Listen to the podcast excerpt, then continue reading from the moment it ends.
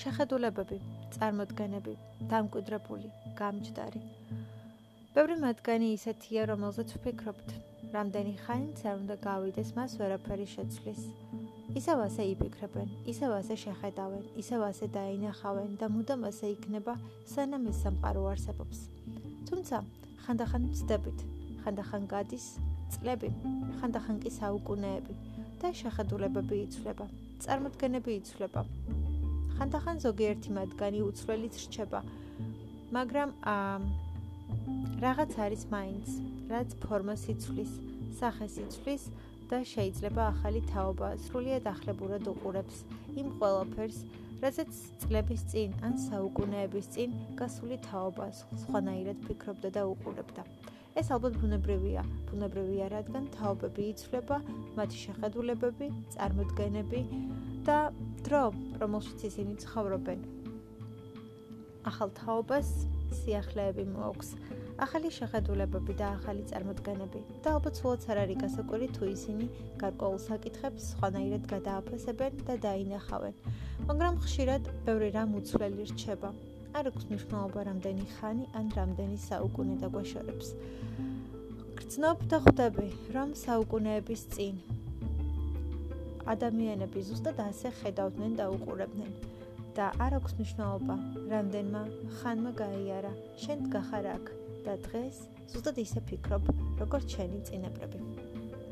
მაგალითად, ის რომ სიყვარული ცხოვრებაში ყველაზე მნიშვნელოვანი გრძნობაა, რომ არის გრძნობა, რომელიც გაცოცხლებს და რომელიც გაძლევს ხალის ცხოვრების და სიცოცხლის ყურულს და ეს ყველაზე დიდი ძალაა, რაც კი ამ ქვეყნად არსებობს.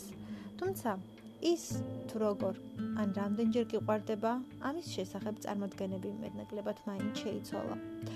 ადრე ფიქრობდნენ, რომ ცხოვრებაში მხოლოდ ერთხელ ხვდები, შენს მეორე ნახევარს, მხოლოდ ერთხელ გიყვარდება და ეს არის ცხოვრების სიყვარული, რომელსაც შენ უძღვნი თავს მთელ შენს გრძნობებს და ის არის ერთადერთი სიყვარული, რომელიც შენმა ცხოვრებამ შენთვის გაიმეტა. და შენც გჯერა რომ ის ერთადერთია და ასეთ რამეს მხოლოდ შეიძლება ერთხელ შეხვდე ან ერთხელ გადაეყარო.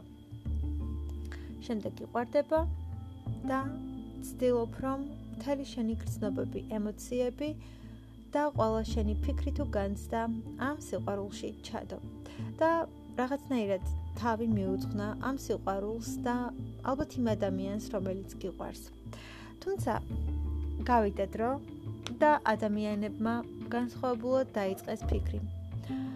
მე შეიცვალა წარმოდგენები იმის შესახებ, რომ შეიძლება არა მარტო ერთხელ გიყვარდეს, არამედ რამდენჯერმეც, რომ სიყვარული მხოლოდ ერთხელ არ მოდის, შეიძლება გიყვარდეს რამდენჯერმე და ყველა მათგანი ცოტა თუ მეტად განსხვავებულად, მაგრამ ყველა გიყვარდეს ძალიან ძლიერ და შენი გრძნობები და შენი ემოციები ძალიან გულწრფელი იყოს. უბრალოდ ხანდახან ამ ემოციებს აქვს დასაწყისი და დასასრული.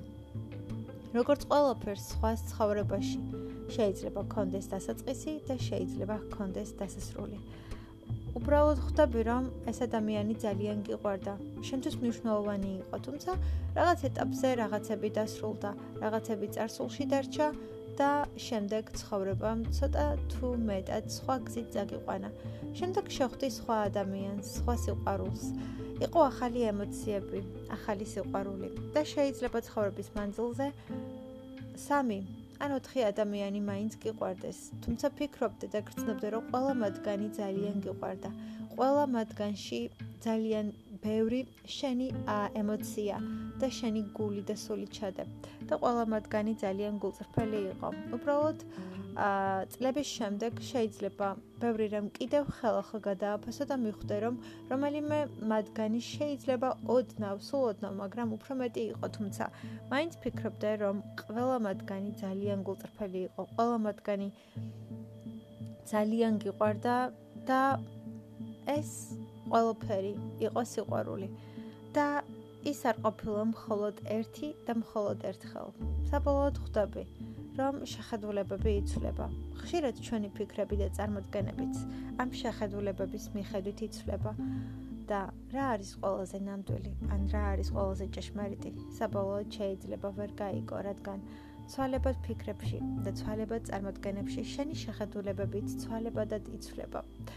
მაგრამ ის, რომ სიყვარული ცხოვრების ყველაზე მნიშვნელოვანი ემოცია, ყველაზე მნიშვნელოვანი გრძნობა და ზუსტად ის ძალა, რომელიც გაცოცხლებს და რომელიც გაძლევს ძალიან დიდ ძალას, ენერგიას და სიცოცხლის უნარს.